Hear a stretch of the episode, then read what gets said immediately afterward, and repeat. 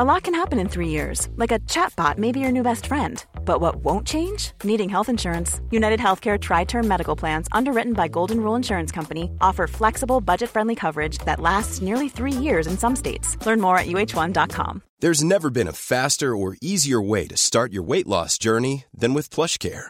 PlushCare accepts most insurance plans and gives you online access to board certified physicians who can prescribe FDA approved weight loss medications like Wigovi and Zepbound for those who qualify.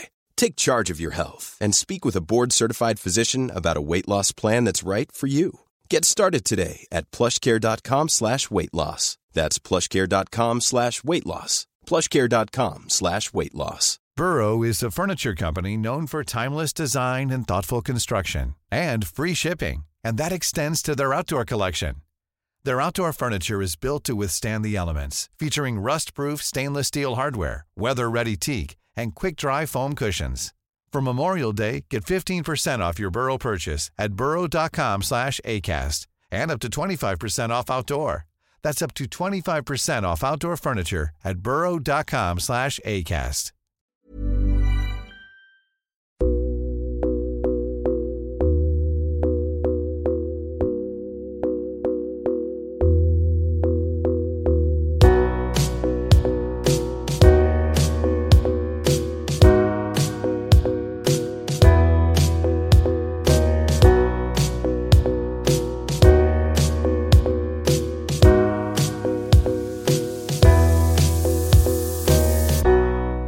Du lyssnar på Säg vad du vill Åland, en lokal podcast med fokus på fria samtal.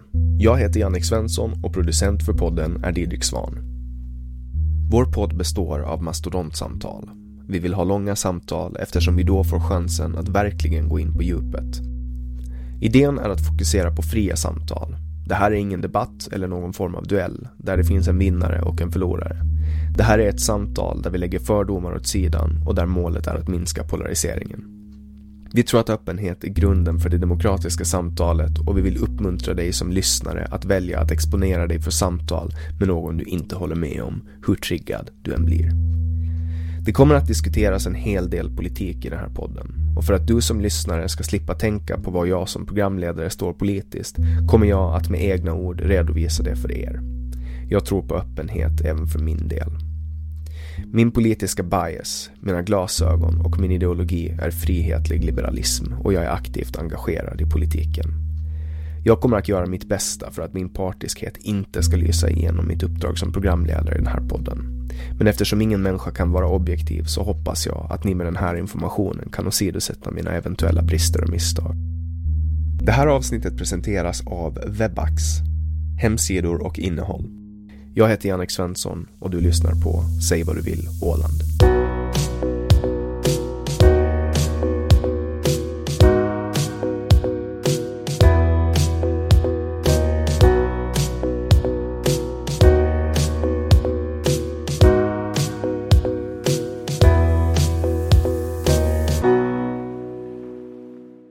Och vår gäst idag är en man som under förra valet ställde till med ett himla halabaloo i tidningarna och på Facebook. Genom sina kontroversiella och enligt många rasistiska uttalanden lyckades han till sist locka till sig 341 personliga röster i valet till Ålands lagting.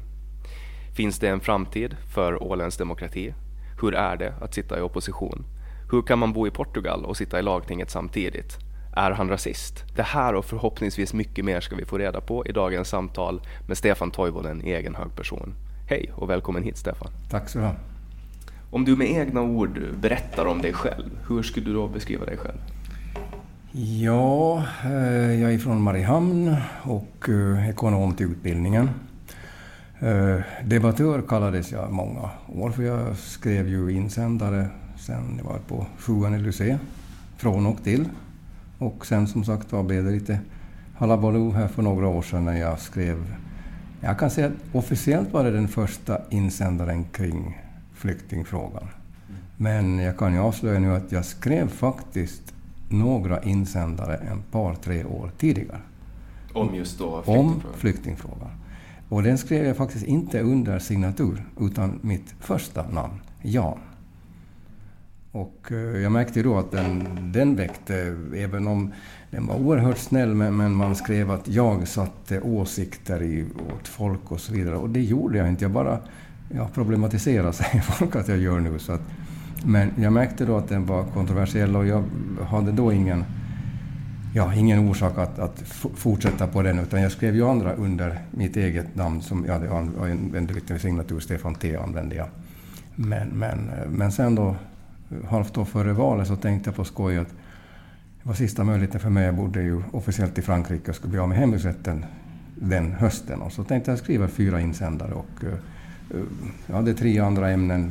Pensionsfonden var det säkert och ett par andra som jag inte kommer ihåg nu. Men, men den fjärde då så var kring, kring flyktingfrågan och då var det med, med namn under. Och inte tyckte nog att den var så kontroversiell men, men det var den. Mm. Det blev ju ett liv där i debatten och det är väl det som folk främst förknippar dig med idag men du som person har väl säkert någonting som du gjorde innan du blev en offentlig person som politiker på Åland. Vad gjorde du innan? Eh, ja, jag brukar säga att jag jobbar bland annat som eh, lärare i ekonomi. Det är liksom den, den bakgrunden och det är den som jag mycket har nytta av nu. För att som jag säger, det, det är mycket siffror när man håller på i, i, i lagtinget. Och det vet jag många som, som inte tycker om siffror, men jag är den som både tycker om olika ämnen. Vissa ämnen är kanske för mig jag är inte så insatt i det så att säga. Men, men eh, ju, ju mer siffror desto skojigare tycker jag att det är.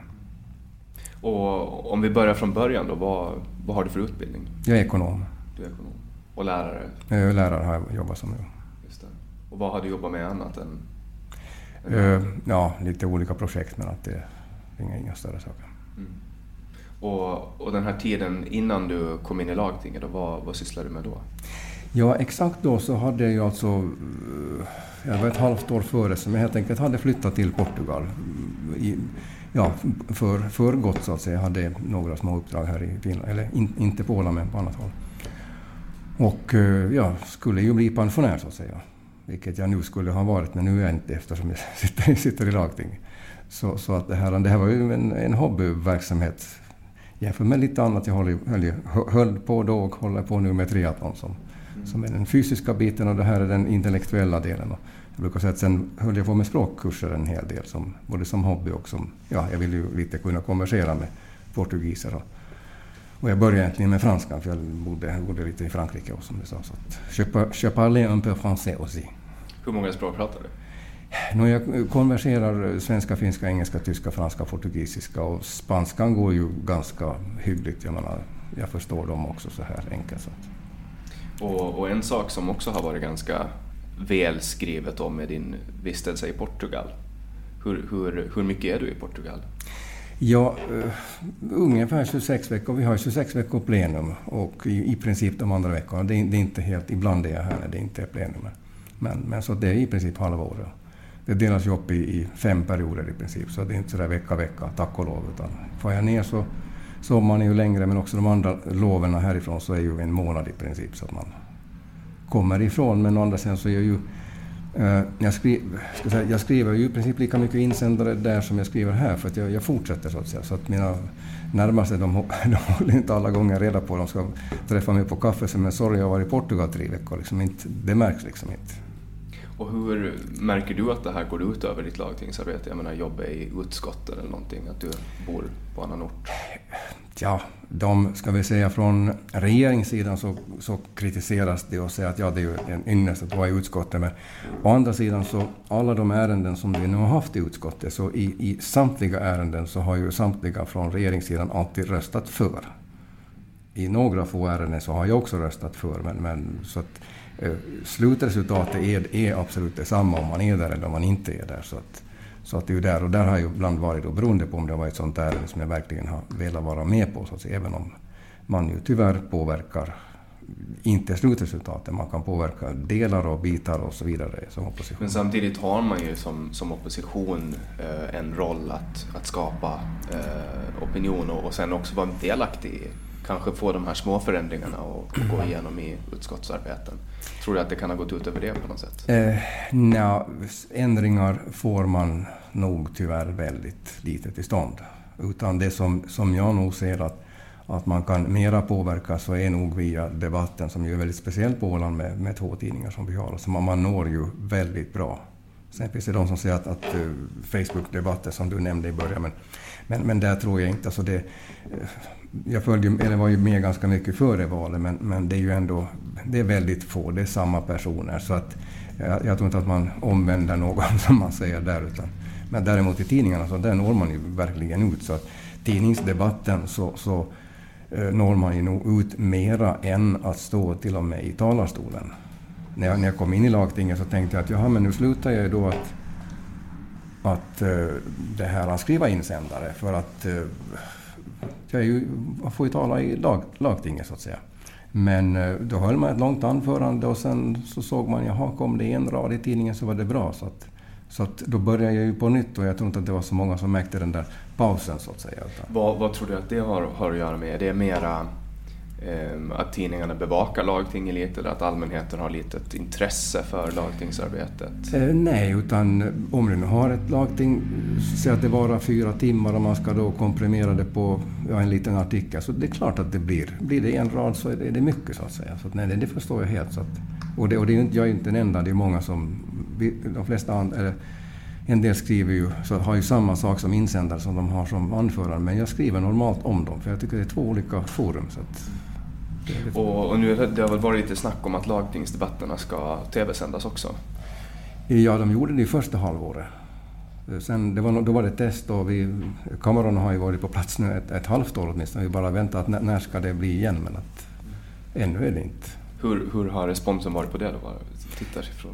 Ja, nej, det var väl, tyckte vi att det var positivt. Och, eh, ja, de som hade varit med tidigare sa att det blev på något sätt bättre. Alltså, lugnare i, i, i, salen så att säga. Men jag som var ny så, så visste inte. Men man märkte man att det kanske lite mer att man pratar mellan varandra och så vidare nu. Men att in, in, det är in, inte som en skolklass, men, men lite i alla fall. Så det.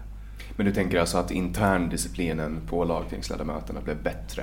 Eh, jag tror att aningen nog. Alltså, men vi, går, vi går inte mellan... Okej, okay, vi går kanske någon gång emellan platserna men, men, men, det är nog väldigt bra disciplin nu också. Så att säga. Men att, det kan också vara att vi som kom in har bättre disciplin än de som, som, som åkte ut. Så att säga.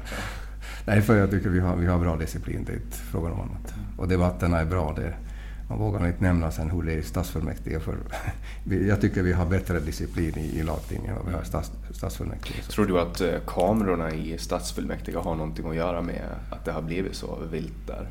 Jag tror nog, tror nog tyvärr att det är på det sättet. Där, där kanske det skulle vara bättre att inte ha kameror. Men i lagtinget så där, där debatten ändrar inte tyckte jag. Så att det, det, det störde inte och det gjorde inte att folk hade mer anföranden och så vidare. Det, det gjorde det inte. Tror du att det också kan ha att göra med att, att det är lite mer osexiga frågor man behandlar i lagtinget?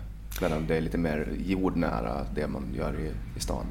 Eh, det kan det nog vara. Det finns, finns olika orsaker. Men som sagt det, det, det kan det nog vara. En. För att vissa är nog, som du säger, de, de är inte så sexiga. Så. Och det här med valrörelsen då, om vi ska spola tillbaks för fyra år sedan. För du och jag träffades ju under valrörelsen och, och eh, det var första gången jag träffade Jag hade läst om, om alla kontroverser och för mig har det aldrig varit eh, konstigt att, att prata med människor som man, även, som man inte håller med om. Mm. Eh, men, men där hände det en liten rolig incident som vi skrattade åt lite här före. Var att jag skakade hand med dig och så var det en person från ett annat parti som vägrade skaka hand med mig för att jag hade ah, blivit ja. smutsig av att skaka hand med dig.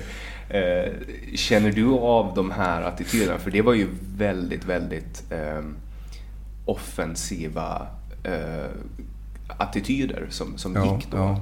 Känner du av det här fortfarande eller hade det lugnat ner sig? Ja, nej, jag, jag hade glömt bort den där, den där situationen faktiskt. För, för, för det var ju bland de första som jag träffade då på, på stan helt enkelt, på Torggatan. Och du var nyfiken och jag var nyfiken och så vidare. Det var inte något mer med det. Och, men eh, nej, då var det ju var det ju sen sådana som, som inte ville ta i hand och det finns ju fortfarande de som, som inte alltid tar i hand och det finns de som ibland inte tar i hand. Så det har fortsatt fortfarande. Och vad, vad, tror du att, att det beror på att det har blivit så? Att du är väl den enda som, som folk inte skakar hand med, eller? Ja, jag, jag, skulle, jag skulle tro det. Vad tror du själv att det beror på? Alltså, ja, det är svårt. Vi, vi blev ju tillsagda under skolningen att vi hälsar på varandra med respekt för demokratin. Och därför har jag ju varit väldigt noga, oberoende åsikterna. Men det är ju mer att det är ju inte mot mig. Jag menar, nog vet jag att personen har en annan åsikt än mig, än vad jag har. Men, men det är ju mer att man så att säga ska visa för de andra att jag, jag har den här positionen. Jag tar inte i hand med honom. Så att det, det, det är nog det. det, är det. Och sen ibland är de ju då sura. Det kan ha varit ett anförande, det kan ha varit en insändare. Det är sånt som en, en, en eller två måndagar, det är måndagarna vi, vi skakar tass så att säga. Så att det är en eller två måndagar och sen, sen är det normalt igen. Så, att, så jag satt idag här på, på lunchen och, och åt samma lilla runda bord med en person som hade en liten paus här på ett par veckor. Men idag var det inget problem. Så lunchbordet då på, på lagtinget, hur, vem får du äta lunch med och vem får du inte äta lunch med? Ja, jag sitter nog eh, med eh, olika partier. Det är väl nog kanske, nog, jo, det är väl nog kanske ett parti som jag väl nog väldigt sällan sitter med när jag riktigt tänker efter. Men kanske inte behöver nämna det, jag tror att de flesta ändå vet det. Men, men alla de andra sitter jag nog med helt öppet, både regering och opposition. Men, men det finns väl nog kanske ett som jag inte kommer ihåg när jag senast satt åt med. Känner du dig då som, känner du dig som tredje hjulet? Får du vara med och prata eller struntar ni och prata politik under lunchen? Nej, nej, nu satt vi då och diskuterade kring de ärendena som vi hade på bordet sen en timme senare. Så, att, så ventilerade vi från, från tre olika partier och vi, vi förde lagtingsdebatt i, i matbordet. Så att, Känner du dig som en, en del av, av lagtinget då? Jo då, jo då det, det gör jag nog. Det. Finns det de gånger som du känner att, att du inte är med? Eh, nej, det är ju det att jag, jag ju, ibland sitter man väl gruppvis, så jag menar när jag är ensam i min grupp så det är klart, men, men då går jag med. Det, det, nej, så det, nej, jag är inte, inte ensam och jag är med, med i, i lagtinget, det är helt klart. Mm. Du sitter i opposition. Mm. Om, om du själv skulle beskriva oppositionsarbetet, vad, vad går det ut på? För att det är ju ganska klart vad man gör när man sitter i regering. Då försöker man ju verkställa de lagarna man, man knuffar mm, igenom. Mm. Men, men hur går oppositionsarbetet till? Förutom den här debattsidan då, som du mm. har visat mycket av. Ja, det, det är ju de som lägger fram lagförslagen, så är det. Och, och då är det ju vår uppgift att granska dem. Sen anser andra att vi ska ha förslag, men det tycker jag inte alltid. Vi har inte, speciellt småpartier har inte resurser till det, utan det är det vi granskar. Tycker att det här verkar märkligt. Vad får det här för effekter? Liksom, där man kanske i, i sig tycker att lagen är helt okej, okay, men det kan finnas delar som man inte tycker om. Så att det, ibland misstolkas det om de tror att man är emot alltihopa. Det är svårt ibland att att förstå att det finns, finns två sidor. Eh, sen har ju förstås möjligheten då att lämna in eh, motioner i samband med, med budgetbehandlingarna. Men, men det vet vi också att det är ju ja, spel för gallerierna så att säga. Det har väl som någon sa, på 12 år så är det en budget, budgetmotion som har gått igenom och det var en namnändring som var ganska okontroversiell. Man hade missat en, en sak, hade kallats en annan sak i lagen. Utan det är en, det är en process som, som går. Sen har vi de här åtgärdsmotionerna där man då kan lyfta saker som man vill få debatter kring och där får man ju då bestämmer man ju också debatten kring, kring det och det temat så att säga. Jag hade ju en här kring en, en motion då kring, kring ny narkotikapolitik. Jag tror att vi till och med mässade någonting kring det för några år sedan. Så att. Ja, det är ju en klassisk eh, liberal fråga. Ska man moralisera kring, mm. kring personers eh, användande av, av droger? Och, och i och med att du bor i Portugal så, så har ju du sett eh, med egna ögon den, det resultatet av den politiken. Och, och då är ju kanske det vi kan, om vi tar avstamp i, i hur det är i Portugal, de har ju, de har ju en, en politik som fokuserar på skademinimeringsprincipen. Mm. Där man har avkriminaliserat droger för att sen ta de polisresurser som man förut har använt till att jaga missbrukare till att istället hjälpa missbrukare. Mm. Och, och mm. du gjorde väl en liten eh, kontrovers kring det också eh, 2017. Mm. Vill du berätta lite om, om det? Jo, det var ju, jag hade ju hört talas om det nog då när jag ställde upp i valet och det var till och med någon som påstod att jag bodde i Portugal för att kunna använda narkotika. Kommer jag är, är det sant? Det... Eh, men, men, men, du säger att, att jag märker av det i Portugal, men det är just det jag ju inte märker. Ja. Jag märker ju ingen skillnad. Jag, jag, alltså, det är ju fritt att inneha narkotika för eget bruk, men jag ser ju inte någon som jag skulle säga att är där använder narkotika för eget bruk. Jag ser ju, man ser ju, jag brukar säga, söder om Öresundsbron så ser man ju knappt en person som är berusad av alkohol heller. Så medan man ser ju mera användning av alkohol här i Norden än vad man ser där. Folk tror ju här att jo, där går alla berusade av narkotika, men det ser man inte. Mm. Så du har inte sett eh, det här själv då? Folk pratar ju ofta om att den här eh, politiken leder till eh, en ökad konsumtion mm, mm. bland människor och, och hela den biten. Men, men du menar alltså att du, du har inte sett det här själv, du har inte känt av det? Ja, jag har inte, alltså om jag då är blåögd som men jag har inte märkt av det. Alltså om jag går på, på restaurang eller på bar eller sånt där så inte, inte märker jag av att hej, ja, den där har nog säkert tagit narkotika. Även, jag vet som sagt inte riktigt hur en person ser ut heller eftersom jag inte närmare det så att säga. Så, så det, då, då, kan det ju inte stämma att du flyttade till Portugal bara för att själv kunna ta droger med andra ord? Eh, det gjorde jag inte, nej. Har du testat droger någon gång? Eh, det har jag inte gjort heller. Jag, bara alkohol? Jag kan ju säga nu när vi ska tala fritt Eh, innan jag då ställde upp i, det här valet så, så köpte jag faktiskt en liten bit. Kanske det var cannabis eller så var det inte cannabis. Men det var ju bara för att det var en kille en kväll som sa att ja, ja, du kan få köpa och det är lagligt åldersgräns. Du kan ju liksom inte fixa så här bara. Jo, det går bra, sa han. Så vad kostade priset? Ja, det tog väl tre minuter så hade han en kompis hämtade. Så att, och det, var, det, här var alltså i Portugal? Det var i Portugal, ja. Där det inte är på Åland? Nej, så, och det var ju lagligt och jag köpte men jag har inte använt den. Och jag, Vad gjorde du med den? Tittade på den, uh, luktade, undersökte? Ska vi säga att jag, jag, har den kanske kvar, men den är åtminstone inte på Åland. Just det, står det något bäst före då? Nej, det, det, det, det, ser ut som en liten träbit och det kan hända att den är fullständigt värdelös. Jag har ingen aning om det. Jag kan tänka mig att det, det kan bli en ganska fin rubrik i, i tidningarna här lagtingsledamot har cannabis i sitt hem. Ja, men det är lagligt. Det är jag. Och om jag har det i mitt hem i Portugal så är det lagligt. Det är ju en väldigt brännande fråga, det här med droger. Varför tror du att folk eh, blir så upprörda av att diskutera den här frågan? Ja, um, det är en bra fråga. För det som du säger, det, det är väldigt polariserat.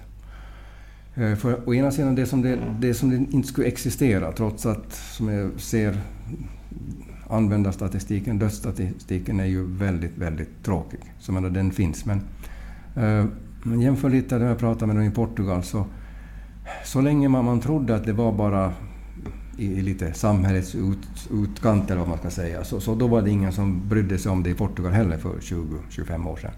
Men sen när det liksom började sprida sig liksom att, att vem som helst kunde ha det, då liksom, det var då man tog upp diskussionen. Och, och, jag tror, vad jag nu har hört, det är många som, som vill berätta åt mig eftersom de vet att jag har lyft frågan. Och, och vad jag har förstått här så har vi lite liknande sits här. för vi har ju liksom inte några favelor som det heter i Brasilien. Jag menar, slumkvarter och så vidare borta. Vi har inte någon hög arbetslöshet. Vi har ju Clinton. Ja, men ändå. Men, men vi, har inte, vi har ingen hög arbetslöshet. Så vi, vi, har inte egentligen ett samhälle som borde ha narkotika. Ändå så har vi. Och jag har ju lite hört i, i vilka familjer det är. Och det, det, är inte bara i, om vi nu säger de sämre familjerna. Det, det är också i mycket fina familjer. Så att, det tror jag faktiskt är en, ger en möjlighet att man på ett bredare sätt funderar på att kanske vi skulle kunna hitta ett, ett annat sätt. Hur, hur det sen är, det, det, det, kan inte jag säga. Men att människan använder droger är ju i sig inget nytt. Nej. Ehm, och, och, det blev ju ett väldigt stort liv när man försökte, när man försökte banna alkohol. Ehm, och då fick man ju helt kallt bara ge tillbaks alkohol till folket eftersom folk tyckte om det så mycket. Jo, jo. Folk kände liksom att de de behövde den här ventilen. Mm. Men eh, om vi ska glida in och prata lite om alkohol. Det har ju varit förändringar i alkohollagstiftningen. Mm. Ser du dem som positiva eller negativa? Jag vill gå tillbaka till som, att hur det var förr här vi hade förbudstiden. Och för något, kanske ett år sedan så hörde jag ett radioprogram här där man då berättade hur det var under förbudstiden. Och det var ju väldigt spännande att höra att det var ju lite liknande saker som är med narkotika nu. Alltså man, man bara, det var smuggling och vilket vi nu tycker att de är nästan ja, inte nu kungar, men de som smugglar brännvin så att säga, är ju hjältar. Så, så, och det höll ju inte heller. Till slut så måste man eh, ha då under vissa former så att säga. Eh, sen hur man ska ha här, så det, det kommer jag ihåg, jag var på ett seminarium i, i Lissabon då eh, kring narkotika och, och, så halkade vi in på den här hur i, i, Portugal så får man ju köpa alkohol alla sorter, alla dagar när affären är öppen så att säga. Och då, sa, då var just den här diskussionen i Finland om man skulle få ha, var det nu 4,4 eller 4,8 procents alkoholhalt i butikerna. Som, de hade väldigt, väldigt svårt att förstå en sån debatt och det höll ju på att spräcka regeringen. Så att, så att vi har ju en helt annan sits där. Och där man ju tycker väl själv att nog kanske man kunde ha, ha lite vin i, i butiken och något mera tror jag inte att vi, vi tål i det här landet i värmen. Är du för eller mot alkoholmonopol?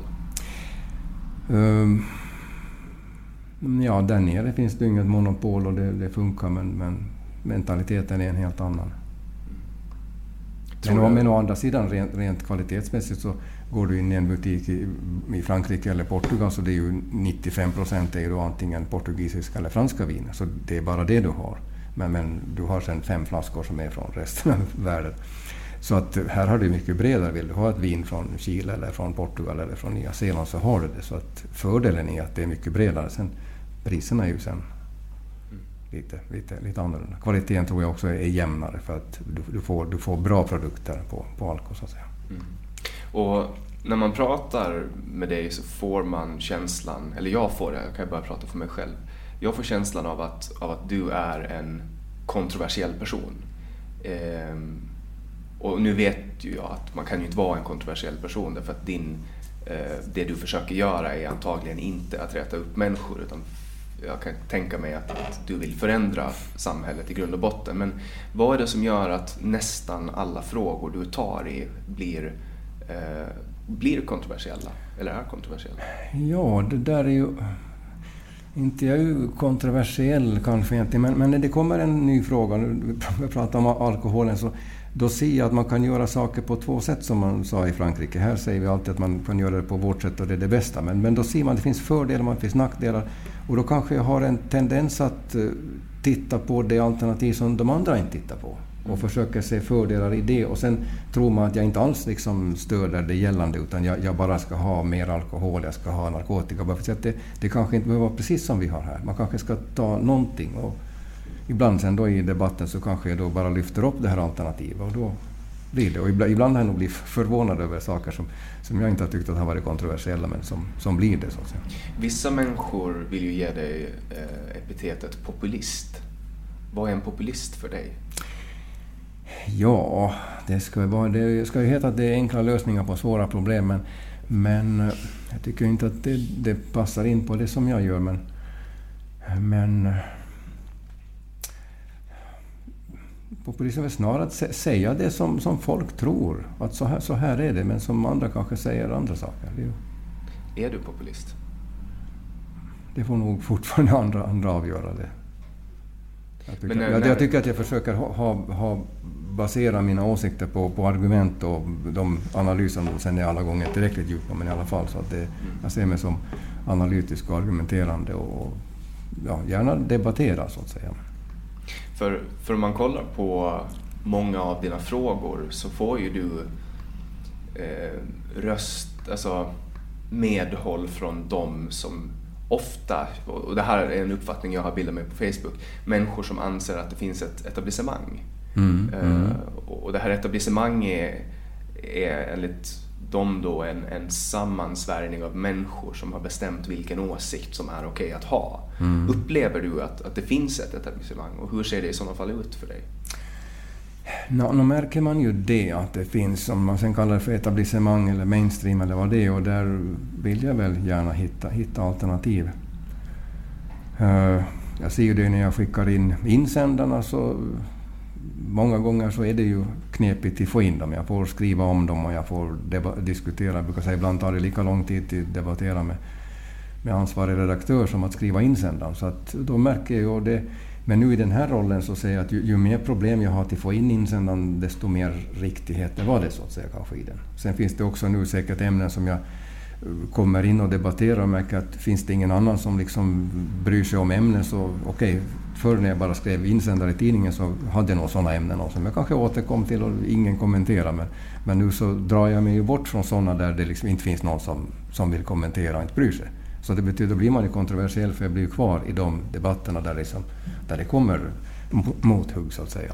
Så då finns det ju ändå en tendens av att du drar dig mot frågor som är heta potatisar? Ja, nog blir, blir det så när jag, när jag tänker efter och försöker analysera mig själv. Och det, som jag sa när vi träffades, jag ska tacka för inbjudan därför att det, det, är spännande att lite analysera, och, och tänka och inte bara vara inne i de olika debatterna. Det, som jag nämnde här förut, så det, vi har många debatter på gång just nu och så, så är det ofta och man hinner inte alla gånger analysera det.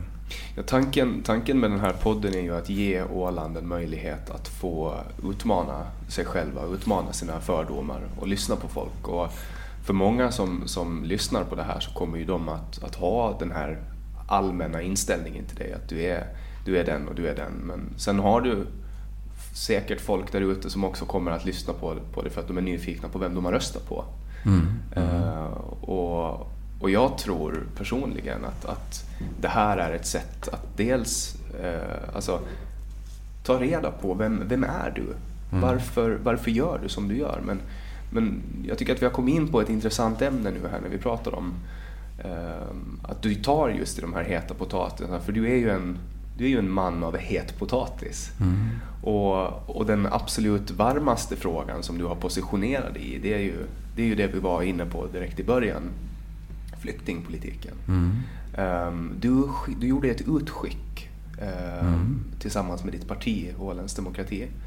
Um, som blev väldigt kontroversiellt och även polisanmält av flera olika personer. Vill du själv berätta vad, vad var det här för utskick du gjorde och vad hände? Vad blev konsekvenserna av det? Ja, först vill jag ju korrigera för att eh, Årens Demokrati hade ingenting med det att göra. Det bildades först, det här skulle vara opolitiskt så att säga.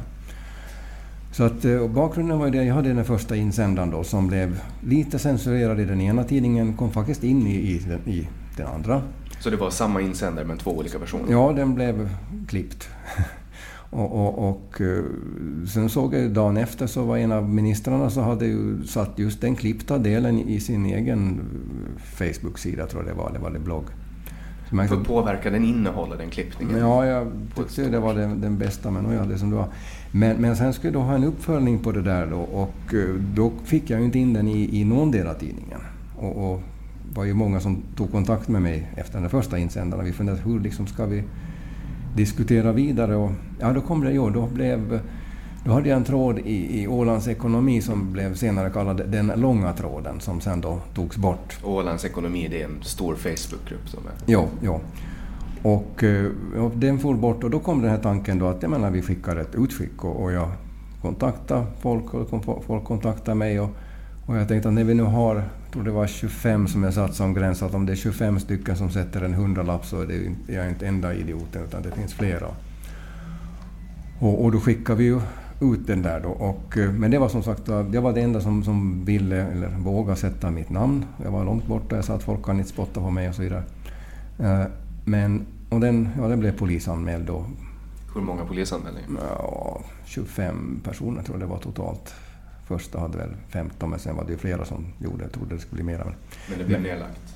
Eh, det tog väl tre år, men det blev ju nedlagt sen. Var, tog utredningen tre år? Eller var utredningen tog tre år, ja. Så att, var, det en, var det en riktigt, riktigt stor utredning eller var det snarare ett tecken på att polisen hade annat att göra? De hade annat att göra och det papper som jag fick så visade nog att jag låg långt ifrån gränsen. Så att det var liksom inte något, det var inget darr på ribban. Eh, men det, jag ser det mera som att det var helt enkelt marknadsföring. Jag grät inte åt det så att säga. Så, att, så det var lite av ett PR-trick från din sida? Nå, visst var det det. Och vi, då hade vi ju diskussionerna i tidningen samtidigt, debatter och, och tittade då i Portugal var skoj för det var ju, hade ju fyra, fem insändare varje dag och det var väldigt jämnt. Det var en par som var för och en par som var mot och det var så lite som sport varje kväll att titta hur det, hur det var.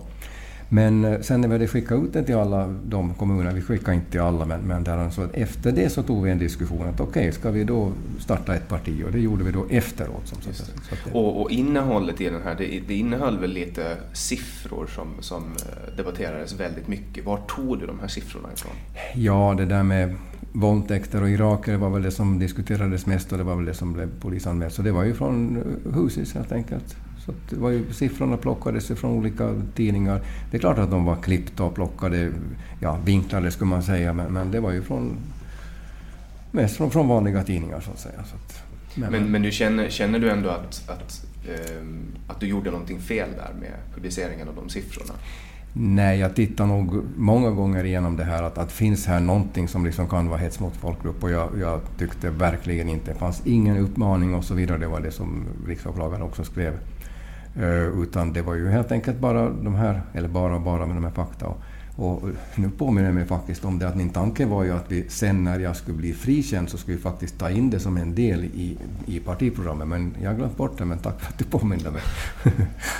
ja, du, behöver, du, behöver ju inte, eh, du behöver inte skriva att det var jag som påminde dig. Men jag tänker så här, eh, du pekar ju ändå ut folkgrupper i det utskicket. Alltså du nämnde iraker. Mm. Eh, hur, hur, hur, känner du liksom moralmässigt? Eh, hur känner du kring, kring hela den här grejen? Ja, det är hur man, hur man pekar ut. Jag, jag, jag sa ju ingenstans och har ingenstans sagt att, att eh, personer från ett visst land eh, begår brott, så att säga. Utan det är bara frågan om att större sannolikhet. Det finns också finländare som begår våldtäkter. Det finns också svenskar, det finns från alla nationaliteter. Det bara, men, men folk har svårt att förstå det med 50 52 gånger eller vad det var, större sannolikhet. Så det fortfarande, eftersom det kanske vad det nu en på 60 000 finländare, så är det, att det är flera så är det fortfarande långt ifrån alla. Så att de flesta begår inte och ännu färre när det gäller finländare.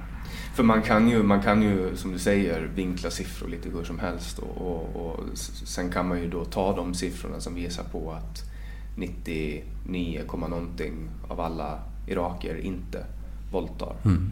Eh, och välja att lyfta upp det så. Men, men kan du se att det var en medveten provokation för att få igång en debatt Nej, inte, inte, inte egentligen få igång en debatt utan för att få ut de uppgifter som ju fanns. Jag menar, just det där som, som vi hänvisar till, så det var exakt så som det stod i Husis.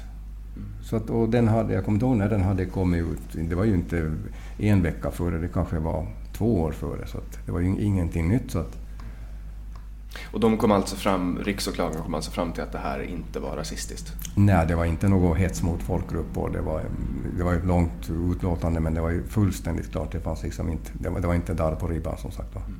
Och det har du blivit kallad ett antal gånger, rasist? Både öppet och... Ja, men det, det har nog minskat. Jag polisanmälde några då för ja, det var nazistiska och rasistiska och det, det de blev ju också fri, frikända och inte trodde att de skulle bli dömda heller, men orsaken var att jag kanske skulle stävja den här användningen av att kasta de invektiven, och det hade jag nog gjort. Jag kommer inte riktigt ihåg när de senast kallade mig för rasist. Så att, får man kalla folk för rasist? No, får och får, men, men jag tycker man ska väl vara det då. Jag lägger fram siffror på hur verkligheten är. Så att då... Är du rasist? Nej. Är du främlingsfientlig?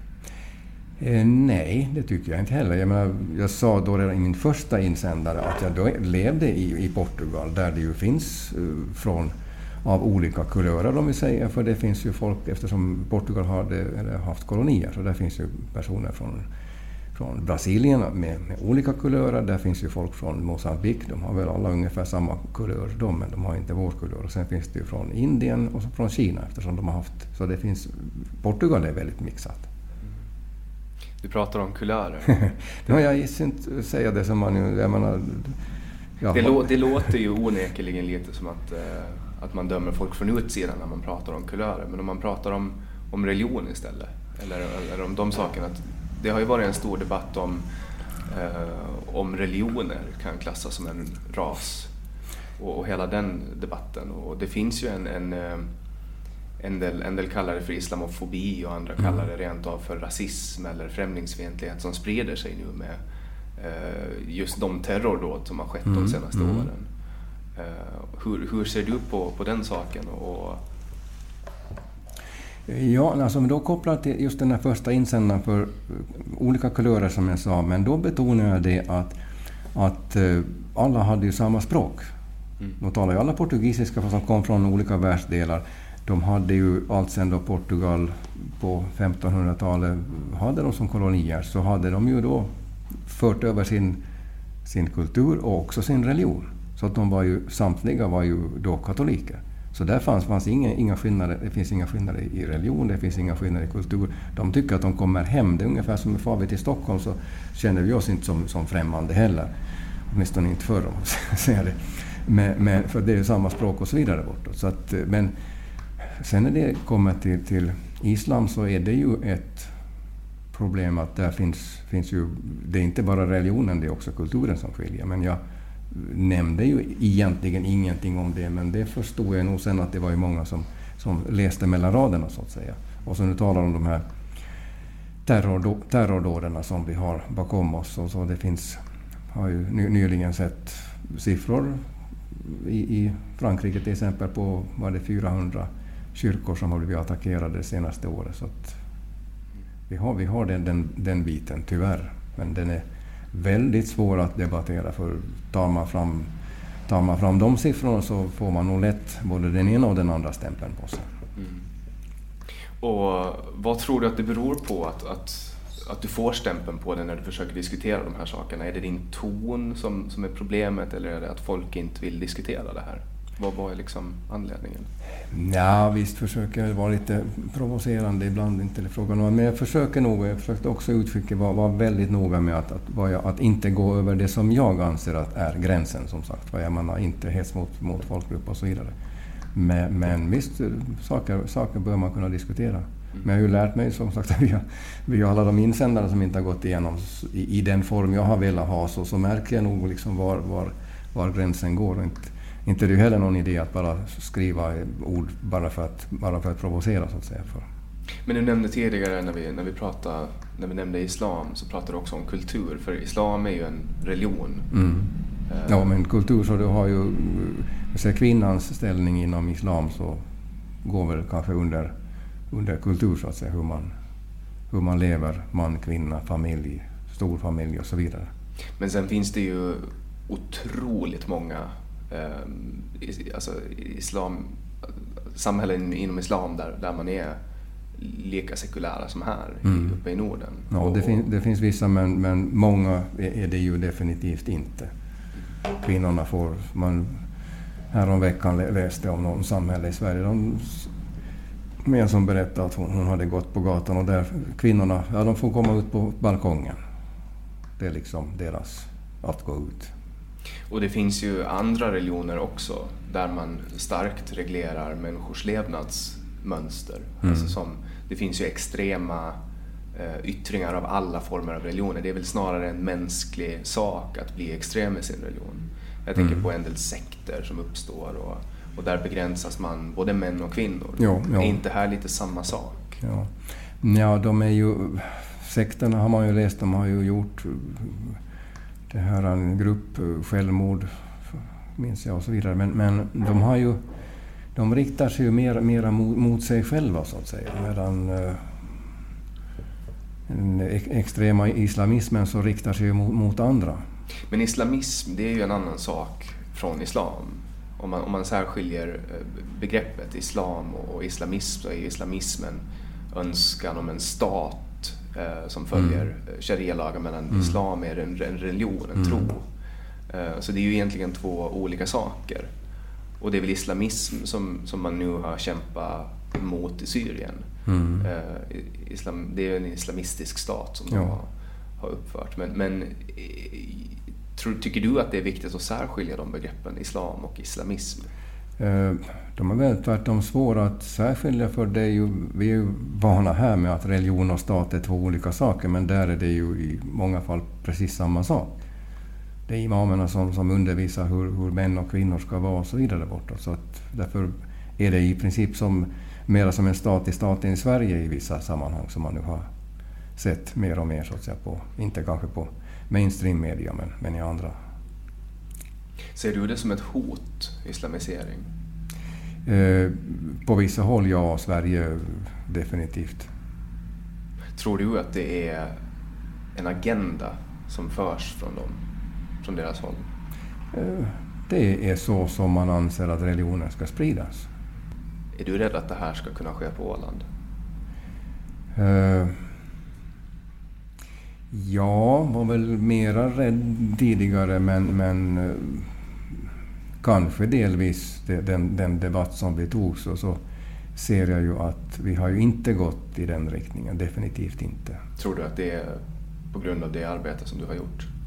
Det, det vet jag inte, men, men som vi talar om här i, i, inför riksdagsvalet, som är det som vi har sagt på vårt korta lilla program, att vi, okay, vi kan acceptera eh, den flyktingkvot som Finland har. Vi stöder då familjer, gärna då kristna eller andra eh, eh, det här minoriteter och så vidare. Och det är, ju, det är ju lite så som politiken har blivit här och var väl nog kanske delvis också tidigare. Så att jämfört nu med, med ja, ensam, ensamkommande om vi tar det begreppet. Så, så någonting sånt har vi ju inte på Åland. För, för de här sakerna som, som vi pratar om nu, de, de grundar sig väldigt mycket i rädsla. Alltså man, man, är rädd för att någon ska komma och ta någonting som, som vi har. Tror du att det var den rädslan som på något sätt gjorde att du fick över 300 röster i lagtingsvalet? Rädslan för att det här kan hända även på Åland? Jo, men inte att, att uh, ta någonting utan den uh, osäkerheten i, i samhället så att säga. För vi har ju ska vi säga, menar, för, för, några år sedan så menar, ute på landet så menar, alla hade dörrarna olåsta. Nu har man det lite mera, men liksom, vi är ju väldigt nära den tryggheten som ju i Sverige har gått, gått helt åt, åt andra hållet. Jo, jag sitter ju inte och läser det där hela tiden, men det kommer i Facebook-flödet, man, man läser här och där om, om situationen om ja, ungdomar som blir rånade i Stockholm och det är skjutningar. menar, tittar man på SVT nu för tiden så liksom, det är ju varje dag någon som är skjuten någonstans och så vidare. Och de här ungdomarna som blir bestulna och de blir, ja, står sig i kalsongerna efteråt och så vidare. Så det, är ju, det har ju ändrat och det ändrar ju det är otroligt fort. Det som är mera normalt nu som hände för tre år sedan så var det ju extremt. Ser du ut tendenser på att det här skulle vara på väg mot Åland? Nej, det är att, att visst som, som jag sa, det, det, funkar inte så nu att alla dörrar är olåsta. Visst låser man dörrarna, visst händer det saker, men, men det är ändå så så, små saker när det blir stora rubriker här så är det liksom ja, no, någon som har ertappats med att ha narkotika eller någon som har gjort det ena och det andra. Så det är liksom, internationellt så är det små saker, tack och lov. Mm. Tror du att den, den politiken då som du kom in med, tror du att den behövs här på Åland? Eh, det tror jag att den behövs i fortsättningen så att vi inte får det som vi har, som vi ser att man har i Sverige. Och det, det tror jag att eh, mer och mer dels är det ju, ja man ser ju i nyheterna vad som händer, men, men det jag ju märker eh, med folk här att det är många som i, min ålder att säga, som då har studerande, alltså barnen som är i Sverige och det är ju den, de vägarna som de får höra mera vad som, vad som händer och hur de upplever det och, och, och så vidare med den. Ja, här ser man, det är trygghet, världens bästa vardag och så vidare. Och det, så, så som vi vill ha det här. För det är ju väldigt tryggt på Åland jämfört med det.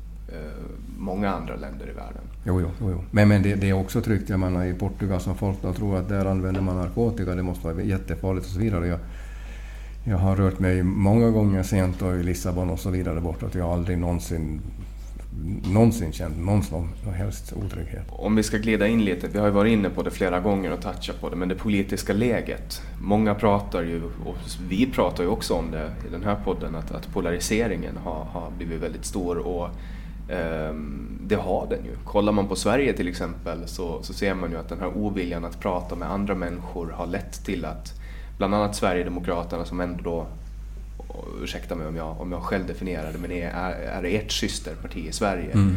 Man ser att, att den här ehm, när man har lagt locket på och, och vägrar diskutera invandringsfrågan som är deras paradfråga så har, har deras opinion ökat och de har växt. Mm. Mm. Och nu, nu har det gått väldigt bra för dem.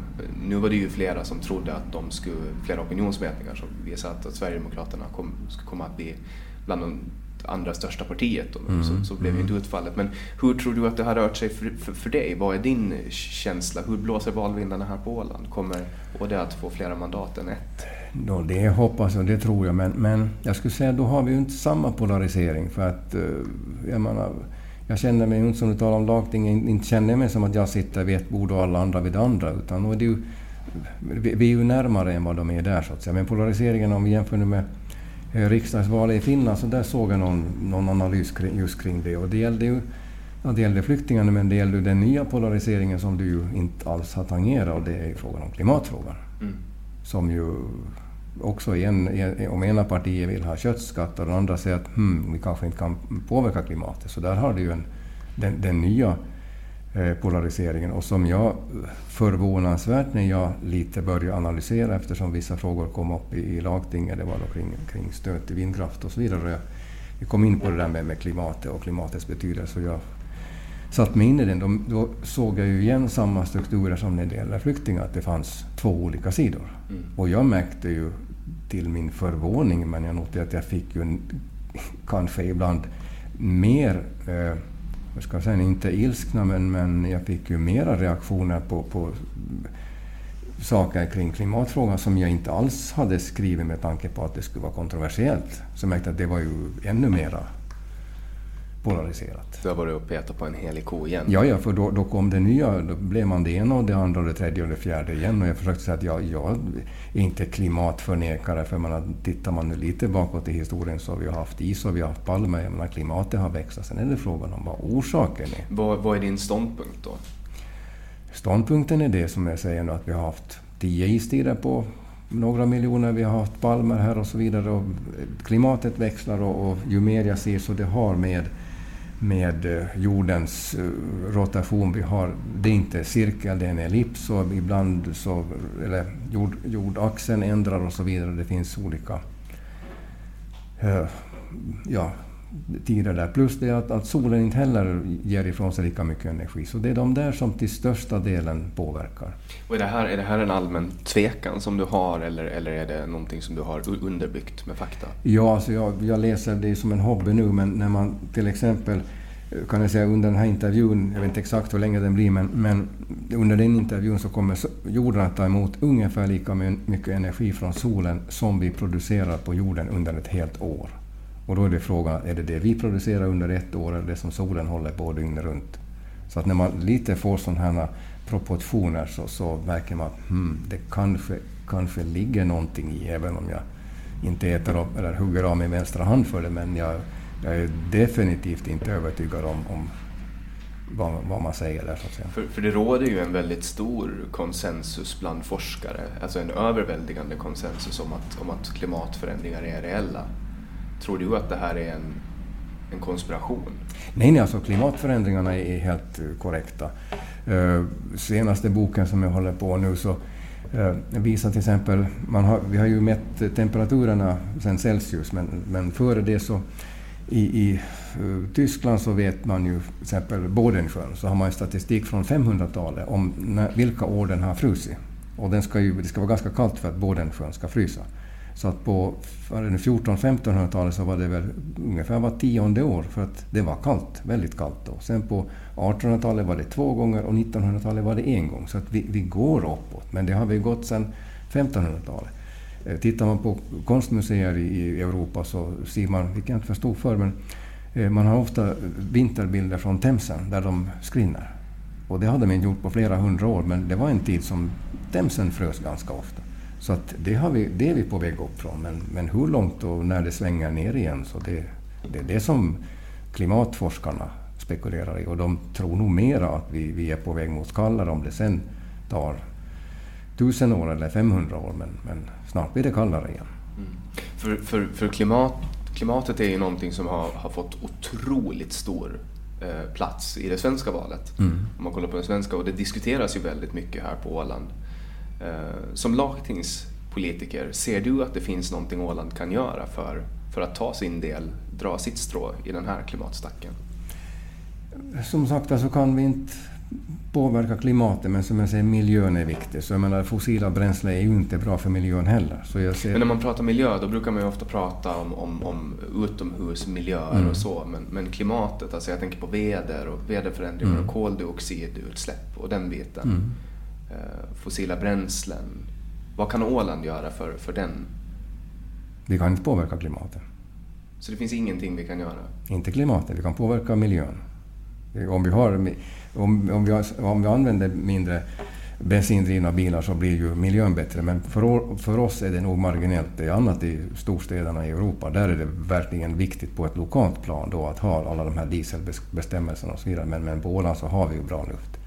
Men, men, vi kan ändå minska det och då, samtidigt så är det ett beroende till, till vissa länder som vi kanske inte tycker att är demokratiska och så vidare.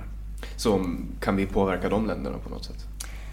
Eh, nej, då är det ju samma sak som, eh, som, som vad ska vi säga, eh, nej vi kan inte påverka för där, där är det frågan om en kultur. Vi kan inte säga åt dem att, ja, vi kan inte påverka kulturen helt enkelt. Jag kanske inte ska gå in, in på det.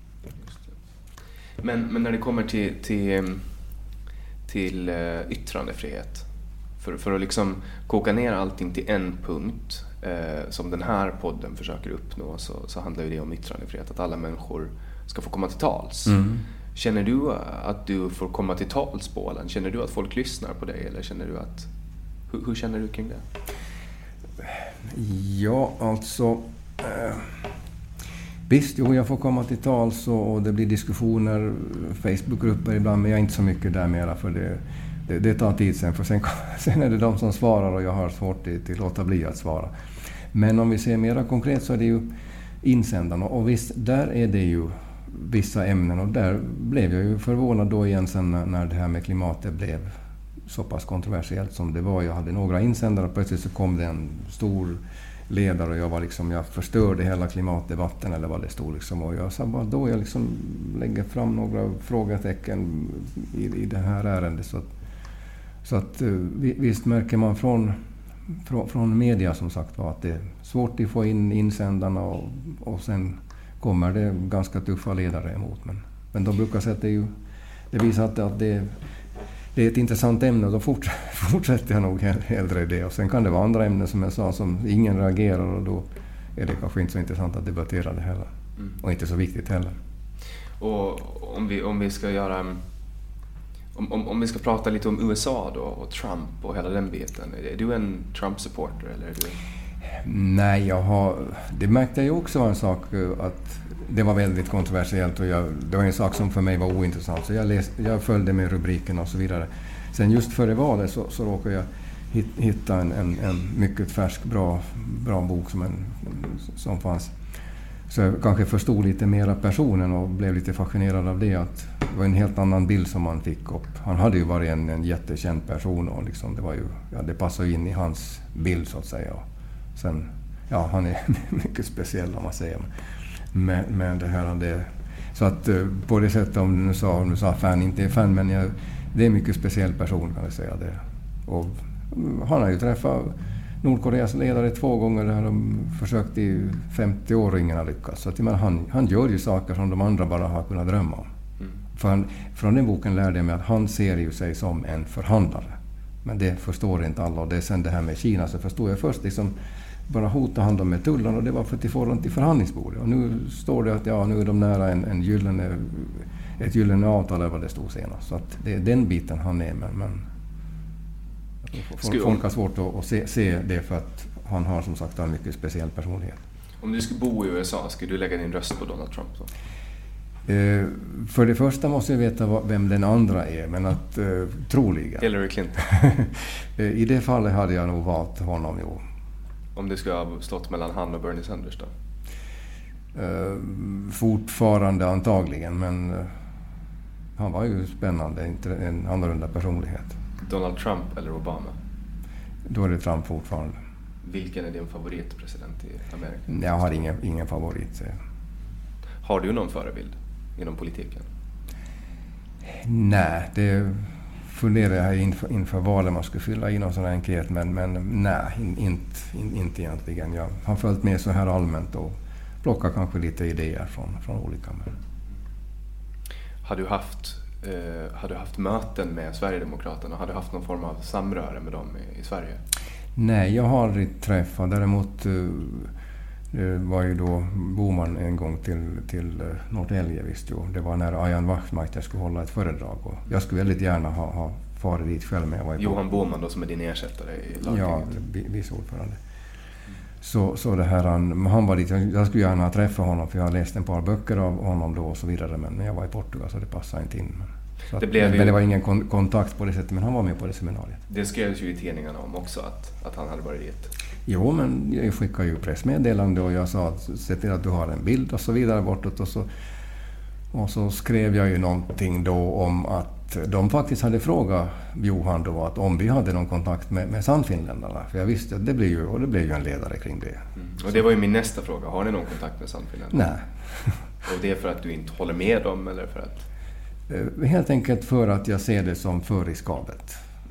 För de har ju en fråga som är gemensam. Sen hatar de svenska, men det kanske jag kunde förklara lite. Jag är historiskt intresserad. Men, men, men det är helt enkelt för riskabelt och jag, menar, jag ser inte så mycket att vinna på det och, och då är det onödigt att...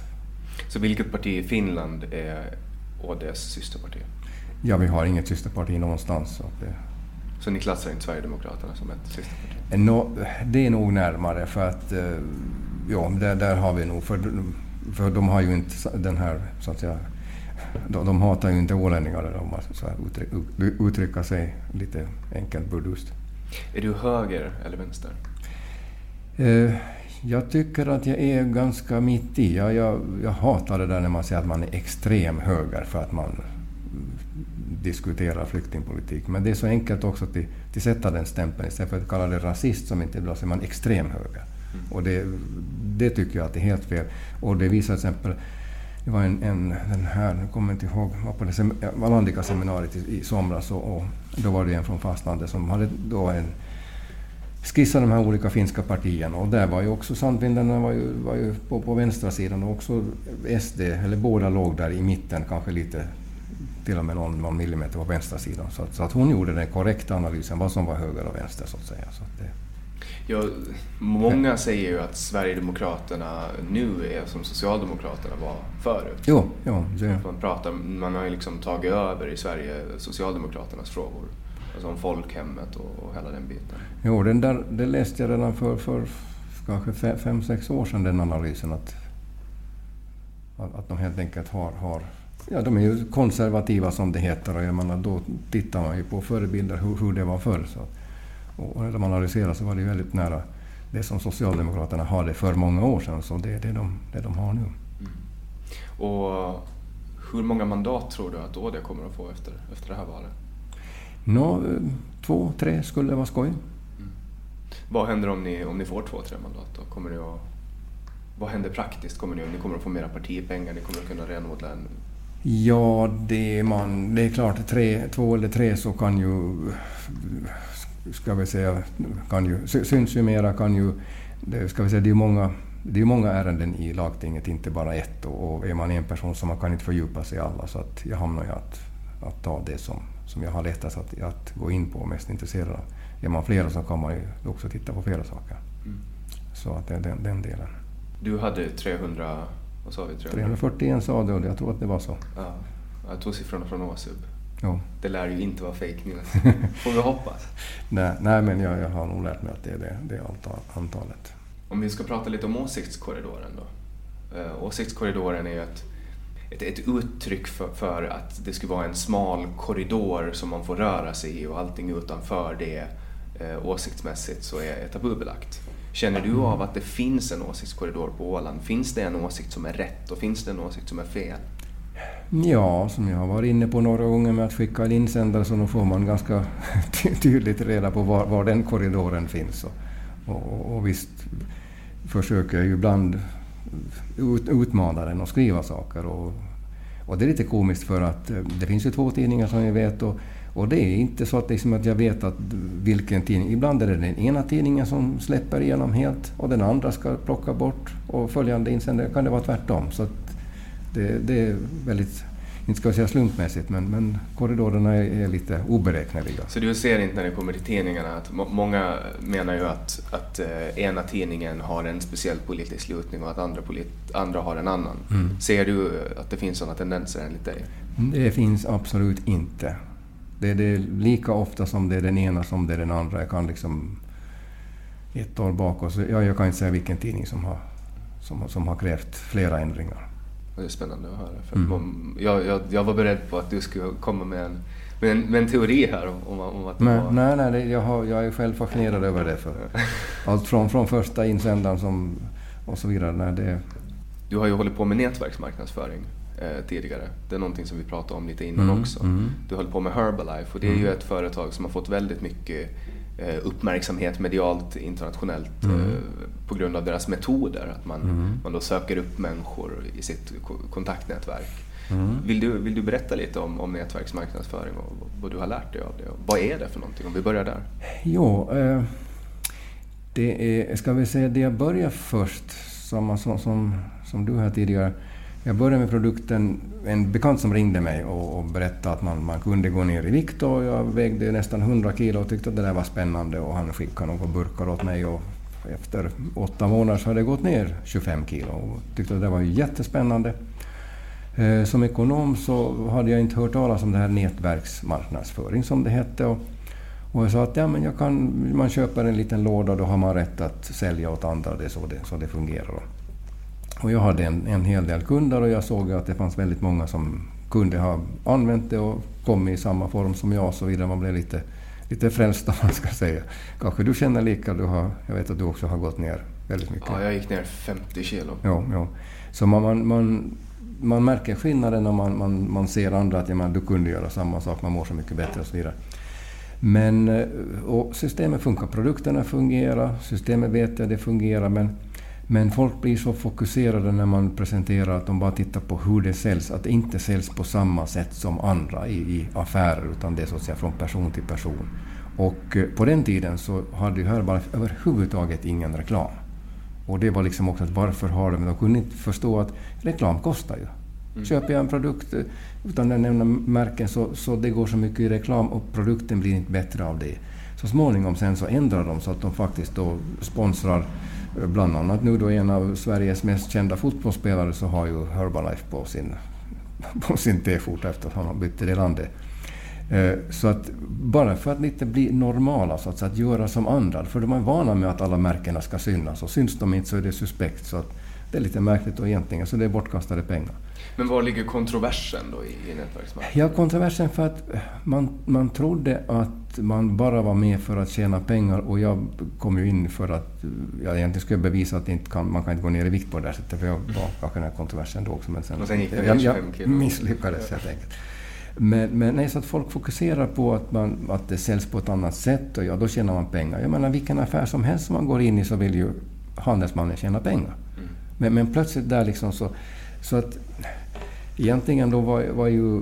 Jag lärde mig mycket av det för att eh, jag märkte hur, hur, svårt det var att, att få folk att fokusera på, på huvudsaken som jag tyckte. Alltså själva produkten vill du gå, gå ner i vikt, lära dig kring vitaminer och så vidare. Men nej, det var liksom kring saken som liksom var så kontroversiell. Så att, så att eh, det var faktiskt en av de saker som jag har haft nytta av nu i mitt mitt politikerliv faktiskt. Alltså det där att, att förstå att, att, att, jag, vet, jag vet att jag har rätt men, men det är inte så lätt att övertyga den andra om att, att det faktiskt är så här.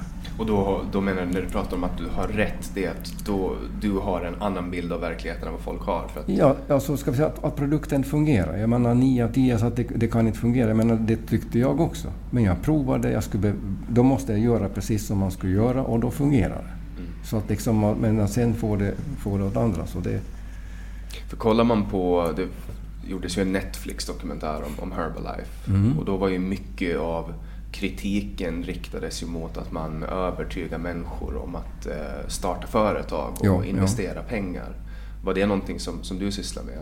Nej, alltså inte investerar man ju pengar. Det var, investeringen var ju lite mer än det där så kallade månadspaketet. Jag kommer inte ihåg vad det var i pengar. Men för det var ju det var några böcker som man Alltså, det var ju en, en kurs kan man säga, alltså hur, hur bolaget fungerar, provisionssystem och sånt. Så det, det var ju en, en, en struntsumma som man betalade för det företaget. Och, och så, så att, eh, men, men som sagt, nej, jag, jag, jag läste mycket om det där och, och, tyckte väl nog att det var minst sagt överdrivet. Men det var en sak som man, man lärde sig av.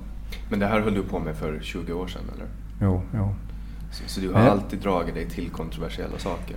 Nej, nej det, jag, det var inte alls av den orsaken då. För jag, som sagt, jag vägde 100 kilo nästan och, ville, ja, ville, ville ner. Jag hade försökt många gånger men det, det var, fick årsringar varje år så att säga. Så, så sättet du gick ner var? Det var de här piller och pulver som, som, man, som man säger. Så det, Lågkolhydratdiet? Ja, det, det, blir ju det, men man, man äter det. Det vill säga lågkaloridiet? Låg lågkalori, ja. ja. För att man äter ett mål, ett mål eller kanske frukosten också. Sen byter man. Men det gör jag fortfarande ibland för att för att inte gå upp i vikt så, så händer det att det tar, nu är det andra, andra märken men, men motsvarande så att säga. Men kollar man på det, det trendar ju olika saker. Det var ju ett tag som, som juicing var väldigt stort, där folk bara drack grönsaksjuicer. Ja, ja.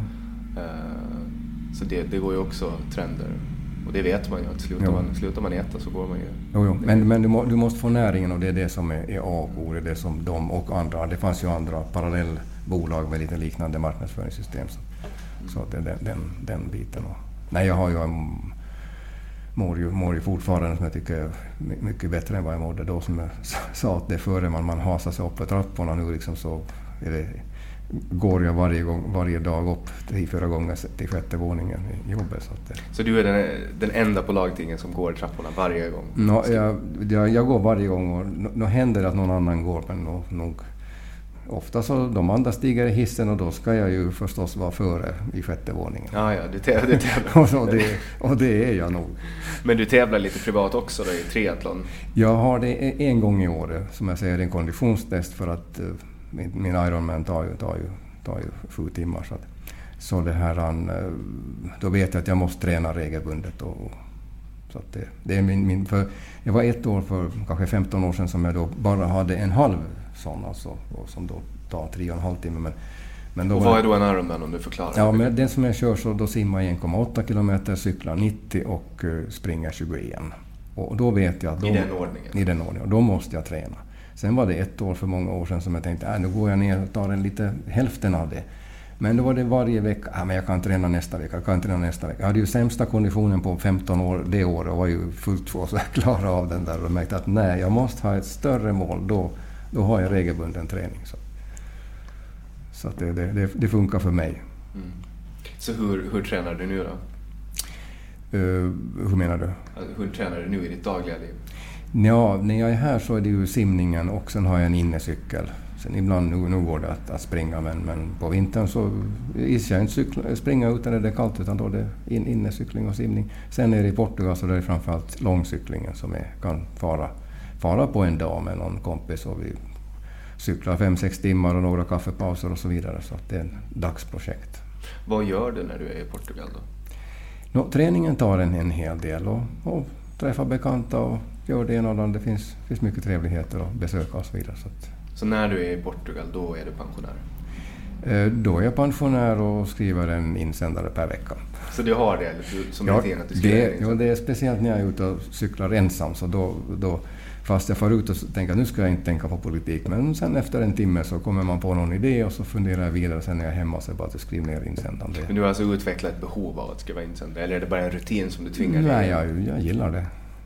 Känner du ibland att, att ah, jag, kommer inte, jag kommer inte på någonting den här veckan, jag skiter i det? Jo, det händer, händer ofta och ofta så är det sen någon timme senare så har jag en ny grej igen. men det, nej, det, det är pinsamt när jag ibland tänker men nu finns det ju ingenting och sen bara så dyker det upp igen. Så vad, vad är det för ämnen du skriver om då? Förutom, förutom de här heta potatisarna? Eller är det bara heta potatisar som gäller? No, visst är det väl där som det är, men det, nej, det, det, har ju blivit, det har ju blivit fler och fler ämnen. För att som du sa, jag var känd för en, en sak, men, men nu har jag ju också andra. Men, men de flesta är nog lite, lite heta potatisar. Vad, vad driver ÅD då? Om, om, det är väl flera aktiva i ÅD antar jag? Än dig? Ja, och eh, det är ganska fascinerande. För när jag sen börjar med en ny sak så först tycker de att ah, det där var kanske inte så spännande. Sen plötsligt så märker man att ja, de flesta börjar tycka ungefär så. Plötsligt sen så, så tycker, när, när de sätter sig in i, men vi tar klimatfrågan till exempel. Som först tyckte de att liksom, nej men ta inte det där, det är, är ju inte bra. Så, men, men när jag nu tittar i Facebook-debatterna så alltså, ja, de, de flesta av dem som är lite skeptiska och har läst på och så vidare så är ju det som jag säger i mitt nätverk. Så att, så att jag, jag får in fler och fler frågor. Så, att säga. Mm. så hur många aktiva är ni i partiet? Ja, det är hemskt svårt att säga aktiva. Vi har en Facebookgrupp som har var det 60 medlemmar ungefär och sen har jag också andra, face, andra Facebookgrupper. Men, men aktiviteten varierar och, och, och, som sagt, sen har jag, har jag nu också faktiskt här då en som den hette väl energi Nej, den var gas först och sen blev den då gas och energi och sen blev det gas, energi och klimat. Så att, för att eh, en, vissa är nu inte så intresserade av det och då är det onödigt att ha det i den här allmänna. Så Sen har jag också en som heter narkotika. Så att det, som är, och där, I de här finns det också sådana som, som jag nu, ja, är de nu med i år eller är de nu inte? Jag har inte sådär exakta gränser. Men ni har liksom ingen klassisk eh, partistruktur? Eh, nej, för eh, när jag skrev stadgarna så, så Eh, funderar jag att, att ska man ta med alla som vill vara med? No, då är det ju risken att, att eh, jag kan ju inte göra en research på vad gjorde man för 20 år sedan och så är det sen kanske någon, någon journalist som kommer ja men den där för 15 år sedan så gjorde han eller hon det och det och liksom det, det, är en knepig sak. Så att jag bestämde mig för att nej, de som har ställt upp i val eller de som då har varit med i en offentlig arbetsgrupp som det finns några av, så, så de har rätt att vara med i partiet och, och inga andra. Så det, det, är väldigt få så att säga som, som kan eller som kommer att kunna vara med. Så det är ett ganska slutet parti med andra? Ja, alltså formellt sett de som är med i partiet. Mm. Men, men sen det är ju Facebookgrupperna som jag jobbar med, för det är ju det, det jag börjar med så att säga. Eh, så att det är en väldigt, väldigt liten grupp, på, alltså rent formellt så att säga. Har du hört att, att någon i ÅD skulle ha liksom inte ha fått jobb på grund av sitt partipolitiska engagemang? Nej, nej. För att det är ju någonting som är ganska vanligt i, i, i Sverige, att folk som är aktiva i, i ytterkantspartier, om vi kallar dem det, jo, jo. har svårt att, att få jobb för att man på något sätt blir straffad av samhället. Känner du att det är någonting som finns på Åland också? Eh, tendenser nog. Eh, vissa har blivit, inte ska vi säga några anmälda, men, men kan via någon diskussion på Facebook så har sen arbetsgivaren så att säga pratat med dem, men det har rätts ut att det här har ingenting med jobb att göra, det är åsikter och så vidare. Så, så att tendenser finns och kanske oro finns, men, men inte som sagt det som jag hört i Sverige så är en annan sits. Så som sagt, vi, vi är inte lika polariserade även om, om vi är så att säga. Tror du att den polariseringen har spilt över från Sverige och Finland eller är det någonting som, som uppstår här också? Jag tänker på rasistbubblan till exempel. Svårt att säga men vi har, äh, vi, vi har, vi har in, inte samma. Det, det, det är ett mindre samhälle men det också, vi, vi, har, vi har mindre problem och vi har nog en, en större öppenhet uppfattar jag absolut mot det jag har lite hört om vad som händer i Sverige. Så jo om, om vi ska glida in tillbaks på det här ämnet som vi har pratat om innan, alltså just om, om rädsla och, och hela den biten. Och du skrev ju ditt utskick om, om eh, att folk från en del länder har, har högre sannolikhet att våldta. Eh, och Finland har ju nyligen uppdaterat sin sexuallagstiftning, det är väl under den här mandatperioden som, som den har, har skett, den mm. förändringen. Och, och Åland var ju också lite drivande i den frågan, att man, man krävde från, från lagtingets håll att man ska skärpa lag, lagstiftningen. Hur, hur ser du på det här med, med våldtäkter i, i samhället? Är det någonting som, som ökar? Um, Sexuellt våld? Ja, eh, jag vet inte här. Alltså i Sverige är det spikrakt upp tänkte jag säga. Men, men eh, jag har faktiskt inte analyserat den årliga statistiken och vad man nu så här från tidningen, för det är ju saker som ju kommer i rubriker när det, när det sker så att säga. Och jag, det är ju nästan aldrig en bra källa liksom, att utgå ifrån rubrikerna. Jo, men det är alltså, om, om det sker så, kommer det, så står det ju i tidningen så att säga. Mm. Och uh, jag kommer inte ihåg när det senast har varit här. Så att, uh, öka kan det inte ha varit. Det är en, enstaka fall och så vidare. Borta, så att, så det som är större problem är ju menar, trakasserier, alltså det, på lägre, lägre nivå så att säga, som mm. den här metoo och så tog upp.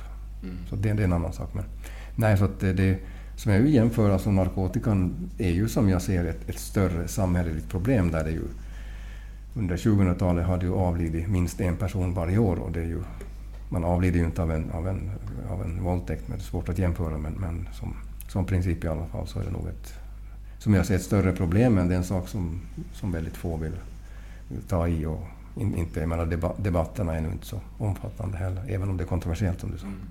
Vi var ju inne nu och snuddade lite på metoo. Hur, hur ser du hela den rörelsen? Hur ser du på metoo-rörelsen?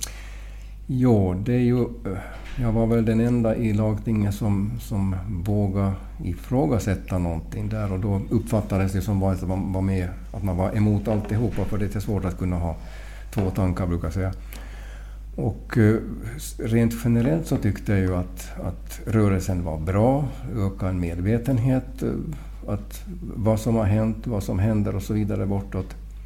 Eh, men det var ju sen när det kom, ska vi säga, väldigt gamla saker som kom upp som kanske, ja, kanske inte ens skulle ha ja, kan vi säga, som kan, hade hänt eller inte hänt, det var ju bevisningssvårigheter. Men även om det då skulle ha kunnat bevisats så skulle straffet ha varit väldigt, väldigt lågt. Medan sen personerna, vi såg ju från, från Sverige då offentliga personer som vi fick eh, var ju rena gatloppen så att säga för, för saker som var väldigt små och det blev, tog liksom helt felaktiga proportioner. Det var väl till och med en man som, som tog livet av sig för en sak som ju skulle ha gett ett väldigt, väldigt, väldigt lågt straff. Så att eh, det var ju de där problemen som, som kom i, i anslutning som jag försökte lyfta och som jag sen senare såg att det, det låg faktiskt en hel del i det jag sa. Men bara för att jag lyfte upp det så då trodde man att, att jag, liksom, jag tycker att metoo är fel och liksom, det är bara att det, går på. Det tycker jag definitivt inte. Så du känner att det blev ett missförstånd där? Kring... Ja, och nu har vi ju samma, du sa att ifrån lagtinget då, eller det gjorde man ju, tog ett initiativ från lagtinget angående den här lagstiftningen tidigare, men den beaktades inte av formella skäl egentligen. Och nu har vi ju ett, ett nytt förslag på gång som vi gruppledare det vi som, ja, som ska skriva under då att vi från lagtinget ska ändra sam, eh, samtyckeslagen som det heter. Och eh, vi fick det då i samband med metoo, men då blev det inte. Men det är nu initiativet på gång här väldigt snart. Och jag har läst igenom det där och jag håller väldigt mycket med allt som de säger. Alltså att våldtäkt är ju inte mer att det är våld, utan det kan ju vara passivt. Man kan vara i en sån situation att man inte kan försvara sig och allt det där tycker jag att det är helt rätt. Det ska också dömas till våldtäkt. Och, och är man kvinnan väldigt ung så kanske man har då en, en automatik att det kallas våldtäkt. Man kan inte liksom avgöra att, man kan inte få ett ja så att säga. Allt det där tycker jag att det är helt rätt. Man kan stringera och så vidare. Men, men det här sen när man kommer till samtycke, hur ska man, som jag säger, hur ska man visa att det har varit samtycke? Eller ska framförallt bevisa efteråt? Mm. Som jag sa en, en eller karikerar att uh, man har varit med en, en, dam under helgen och sen på tisdag ringer polisen och säger att, att det är en dam som har anmält en våldtäkt, att hon, hon fick inget samtycke. Och säger man att ja, mm, ja, nej, att, uh, borde jag ha haft ett papper med eller hur, hur bevisar man det? Ja. Att bevisa våld, då är det antingen då passivitet eller, eller tecken på våld så att säga. Men, men ett samtycke så funderar jag hur, hur bevisar man det? Det är ju väldigt svårt. Det är väldigt svårt. Att men, bevisa. Och bevisbördan ligger ju oftast, nu är det ju ofta nu är väl ett problem för många som blir utsatta för sexuellt våld att det är svårt att bevisa att det har skett. Exakt. Att det handlar väl, samtyckeslagen handlar väl lite om att skifta så att, så att beviset ska alltså, ligga på förövaren, att man ska bevisa att man har fått ett samtycke. Mm. Eh, och då kanske folk blir lite mer försiktiga och det finns ju till exempel appar som, där man fyller ja, i ett samtycke och sådana saker. Ja, det faktiskt eh, diskuterade vi i, i häromdagen, kanske var det idag eller häromdagen, i, i lagtinget kring det här att det är en app som man ska ha. Och det, det känns ju nu, det, det är som att eh, förminska en sak att, att skämta kring det. Men, men problemet ligger där att hur, hur kan man bevisa det? Hur kan man, men sen man, finns det ju ingenting som säger att man inte kan få ett samtycke under våld eller hot om våld också. Nej, nej. Nej, men just, det, det är en komplicerad men fråga. Men just de här som var i metoo, att det dök upp eh, också i USA här som dök upp 30-40 år gamla fall.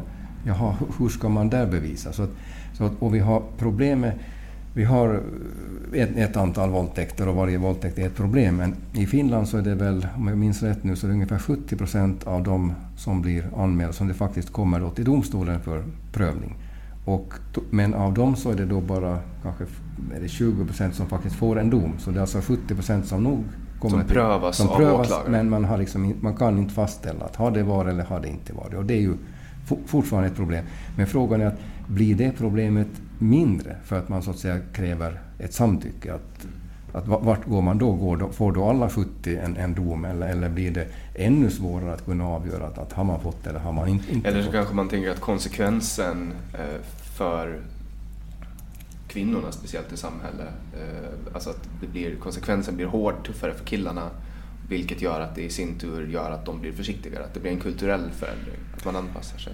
Det är väl kanske det man försöker nå, jag vet inte. Ja, det, det väldigt, svår, väldigt svårt att, att, veta effekterna. Men vad jag någonstans läste nu så i USA så menar, herrar vågar ju knappt eh, gå på middag med, med kvinnor, alltså i politiska syften. Därför att vad, vad händer sen efter? Vad får de för beskyllningar? Och det, det, det, är ju, det är ju inte alls dit man vill gå, utan det är ju att få bort de trakasserier som har funnits och så. Det, det är helt klart. Men, och det här är ju också polarisering. Ja, men, men, så att, men fast man är överens om, om målet att det ska, det ska vara med samtycke, men ändå så kommer jag inte att skriva på det här eftersom det, det är kring den bevisningen som jag har väldigt svårt. Nu hoppas jag att sen vi kommer att ha en debatt i lagtinget där jag kan lägga fram det här och det kan hända att vi får en annan skrivning. Så att, men, men det vet jag inte. Men, men, och vad kan lagtinget göra eh, alltså rent praktiskt? Då, eh, när vi kan komma med ett initiativ till riksdagen då om att man då ska ändra lagstiftningen. Och, och som sagt, de andra frågorna som finns där så håller jag helt med om. Men ska man skriva under en sak så måste man ju hålla med om allt som finns där. Man kan inte liksom säga att jag tycker om allt utom, utom de där styckena. Det...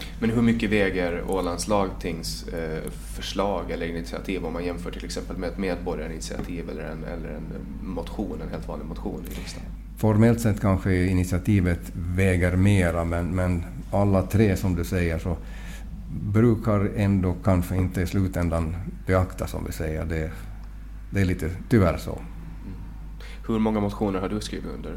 Lagtingsmotioner? Eh, ja, vi har alltså...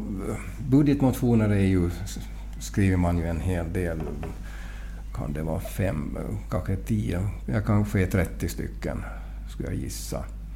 Eh, men sen har jag haft några åtgärdsmotioner och det, det blir ju också en debatt kring det. Och där har jag väl kanske haft en tio stycken. Och, och då tyck, det, det man får till stånd är en debatt, man kan visa vad man vill och vad man står. Och det händer ju, har man sett med andra, att, att sen kanske nästa regering tar upp det här. Det blir regeringsbyte och så vidare. Även om om de inte kommer in i, i regeringssituation så kan nästa regering nappa på de där idéerna om man säger. Så, det... så, så du, ingenting du har motionerat om har, har lyckats ta sig? Nej, alltså motionerna har ju en tendens att de ligger ofta vilande till nästa val och så förfaller de. Men faktiskt, det är, du frågar om man har fått någonting. Eh, då, det var ju debatt här för var det, ett halvt år sedan kring uh, viltolyckor. Det var ju det skedde olyckor och man, ja, djuren var svåra att hitta och så vidare. Så kom man, eller, sa, sa, sa man ju då att i Sverige finns något system att man då markerar platsen och, och ringer och så vidare. Och då hade jag en åtgärdsmotion kring det och det var en debatt och man var ju ganska positiva faktiskt till det. Och sen tog det ju inte så många månader så nu finns ju de här remsorna som man då, som jag har en i bilen och som mm. sker en olycka så markerar man platsen och så ringer... Och det står det, för folk visste inte att ska man nu faktiskt ringa till 112 om det liksom har hänt någonting. Men där står tydligt, ring dit och gör så och så och så. Så att... Eh, jag var i alla fall före med min motion före det hände så att sen ja, kanske lite, lite fick igång så att säga. Var det din idé? Eh, ja, inte min idé utan det var väl kanske via Johan som jag fick den. Som, han är ju den som är jägare och insatt i det så att säga. Jag respekterar jägarna och ser det som en del av vår kultur men jag har aldrig jagat med matlagning min hobby så jag har ju tillrätt mycket vilt och tycker att det är skoj att de, att de jagar så att säga. Så du kom in du kom in på att driva invandringsfrågan och skriva en insändare i veckan och du fick igenom att man markerar viltolycksplatser?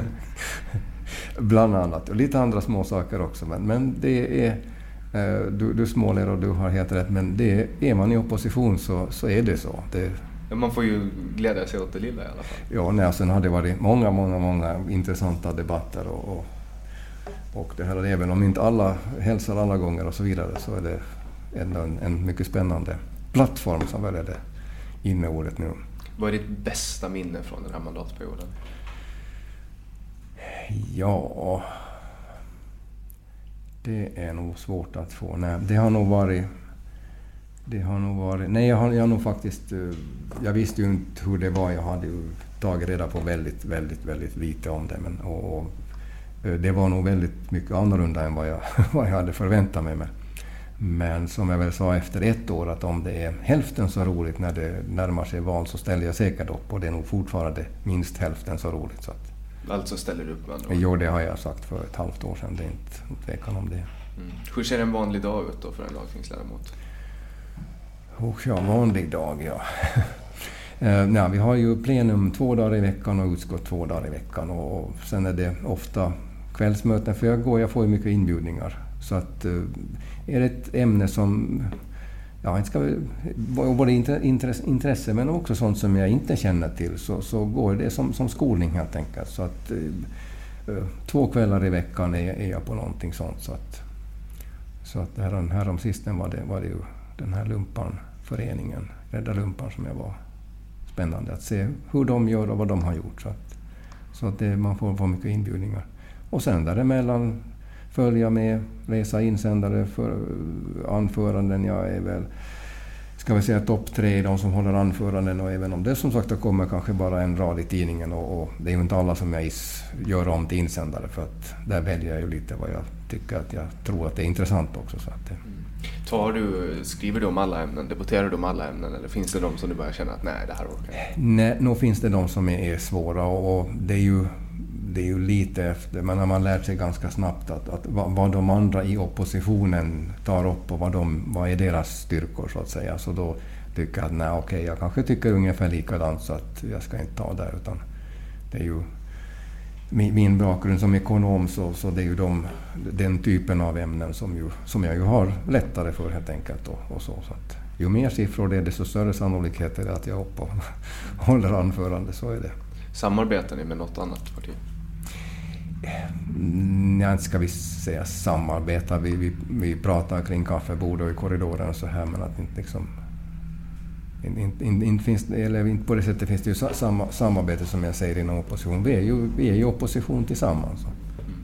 Hur, hur kommer er valkampanj att se ut? Har ni någon brännande fråga ni kommer att lyfta upp eller kommer ni att köra på invandringen den här gången också? Nej, nu är det de här samma invandringen, mm, klimatfrågan, Eh, det som jag tog upp här i, i riksdagsvalet kring det här med ja, män, män och kvinnor som jag nog vill betona att det finns skillnader. Den här andra tanken om att det är bara en social konstruktion, så den, den, den ligger nog långt från min värld. Jag har läst, läst lite böcker kring det också. Och, eh, experterna där så, så visar nog väldigt, väldigt tydligt. Och, och det som jag har tagit in där med som jag såg bara som en konklusion, alltså när, när, när pojkar utvecklas faktiskt mycket långsammare än flickor. Och det, när jag började fundera på det när jag gick i skolan, så flickorna var ju längre än, än jag då. Jag är 1,85 nu, men, men när jag gick på, när jag var 14-15 så flickorna var ju längre. Mm. Och när man nu har förstått att deras hjärnor kanske också utvecklas tidigare, så liksom skolsystemet, som de här forskarna säger, och att skolsystemet är kanske mera gjort för, för flickor som utvecklas tidigare. Och därför har kanske då pojkarna sämre resultat, vilket de har. Och sen kommer det in med, med, med pojkars våld och så vidare. Det är ett sätt att avreagera sig.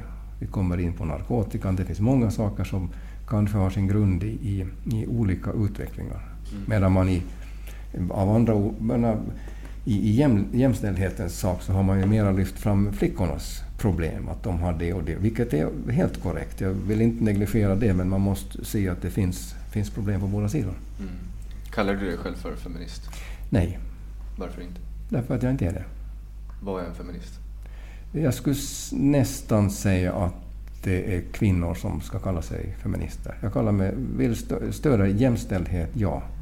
Men, men eh, eftersom jag är man så har jag svårare att eh, upptäcka de problem. Jag, min första hustru var, var mycket aktiv feminist och, och från, från, där blev jag kanske medveten och eh, jag menar, höll med i, i det mesta så att säga. Men, men då blev jag också medveten om det att det, kvinnorna har nog förtur att uppmärksamma problemen. Sen kan vi stödja det och jobba tillsammans. Men då har jag egentligen lite svårt med, med den typen av feminister som säger att, att alla män är ansvariga för alla våldtäkter, jag hatar män och, och allt vad vissa feminister säger. För att jag ser att vi ska jobba tillsammans med kvinnorna mot de problem som kvinnorna har. Och det är nog väldigt svårt med den attityden om vi säger. Vad är din uppfattning av en feminist och din definition av en feminist? Ja, det finns väldigt olika. Jag, då när, som jag sa, var väl början på 80-talet som, som då min, min första hustru så att säga, in, introducerade mig. Och då sa jag att det kanske var feminist 2.0 om man tar i dagens terminologi. Nu är vi kanske inne på 4.0 när man säger att... Jag såg nyligen en, en, en Youtube-video från svenska riksdagen där en riksdagskvinna då säger att, att alla män är ansvariga för alla våldtäkter. Och då, mm, det, det är svårt att svårt att förhandla, svårt att diskutera och svårt att säga att nej, men vi jobbar tillsammans. Hon beskyller mig för någonting jag inte har gjort och sen ska vi tillsammans göra någonting. Så det, jag, jag, jag tror inte på den. Jag tror att feminist 2.5 eh, eller, 2, eller 3 så att säga, så det är den feminism som jag tror att vi kommer framåt med så att säga. Mm. Och, och, det är just den då som, som siktar på jämställdhet mellan könen? Ja, uppmärksamma, alltså grunden är att uppmärksamma problemen och det tycker jag det ska kvinnorna göra. Och sen, sen tycker jag att vi tillsammans ska, ska göra någonting åt det så att säga. Det. Tycker du att, att könen ska vara jämställda? Det tycker jag. Och jämlikhet? Hur ser du på jämlikhet? Eh, ja, hur, hur, det finns jämlikhet på så många olika sätt. Men om vi, om vi, om vi vänder på det och säger så här då. Många pratar ju om att, att feminism är folk som anser, eller en grupp av människor som anser att det ska vara lika mellan könen. Anser du att det ska vara lika mellan könen, alltså lika förutsättningar för män och kvinnor? Förutsättningar kan man inte ha. Männen har 30 procent större muskler, så vi är inte lika. Men, men samma rättigheter. Det, det är ju där det är. Så att jämställdheten, men, men vi är olika. Och som jag sa, vissa åldrar så, så utvecklas vi olika, vi har olika intressen. Det liksom det, men, men det är ju inte så att, att det är antingen eller, utan en del män tycker om liknande som kvinnor och tvärtom. Så att det, liksom, det finns en... Ja, det är svårt att förklara, men det är inte liksom on-off så att säga. För, för ett tag sedan så var det faktiskt en bekant som jag träffade som sa att, att eh, som kände mig som, som ung och sa att det finns, finns säkert en, en, eller du har säkert haft nytta av, av din uppväxt. Och jag visste vad han menade. För att eh, i skolan så var jag mobbad. Och den som jag talade med så var en av de som hade mobbat mig. Och det var inte så, så lätt då alla gånger. Jag, ja, som de har sagt, jag hade lätt för att läsa och folk trodde att jag var en plugghäst och så vidare. Så att man helt enkelt mobbade mig till en del. Men eh, det där är länge sedan och jag, jag hade väl hade nog glömt bort alltihopa. Men, men det blev ju en lite liknande sits när jag kom i lagtinget. Det var inte frågan om annat. Man tog i hand och så vidare bortåt. Men eh, tack vare den erfarenheten som jag hade så liksom insåg jag ju då, vilket jag som liten inte insåg, var, var problemet var. Problemet var inte bara mitt, eller det var, problemet var inte mitt. Utan det var som jag var inne på, att, att eh, varför gör de det? Det är ju för att visa åt andra. Och det var ju samma sak i skolan. Mm. De visar för varandra att han där vågar slå den där som, som nu inte var så fysisk. Det är kanske därför som jag kör triathlon nu. Mm. För att nu är jag mer fysisk än de som, de som slog mig på den tiden. Hur kändes det då när, när folk behandlade dig så här i valrörelsen och i lagtinget? Nej, i valrörelsen var det...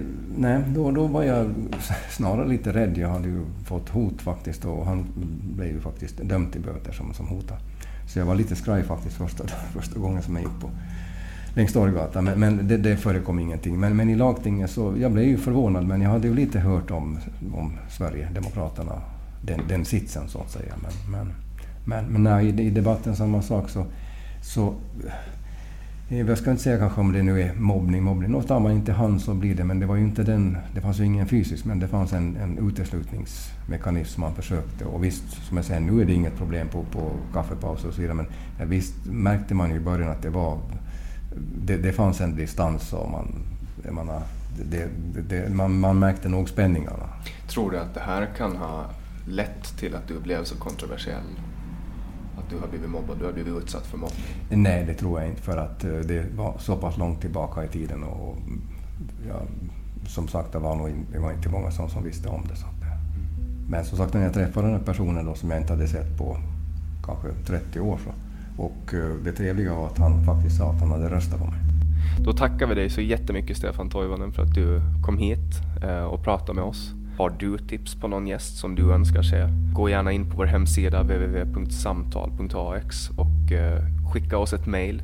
Det finns ett litet kontaktformulär under Tipsa oss där du kan helt anonymt tipsa om eh, vem du önskar se i den här podden. För gärna samtalet vidare, men när ni gör det, gör det i god ton. Det här avsnittet presenteras av Webax, hemsidor och innehåll. Webax hittar du på www.web.ax, webb med två b.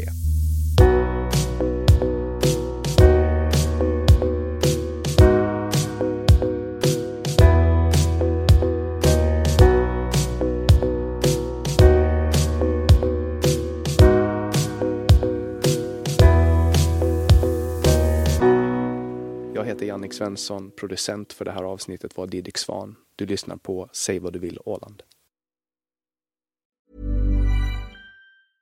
Even when we're on a budget we still deserve nice things. Quince is a place to scoop up stunning high-end goods for 50 to 80% less than similar brands. They have buttery soft cashmere sweaters starting at $50, luxurious Italian leather bags, and so much more. Plus, Quince only works with factories that use safe, ethical, and responsible manufacturing. Get the high-end goods you'll love without the high price tag with Quince. Go to quince.com/style for free shipping and 365-day returns.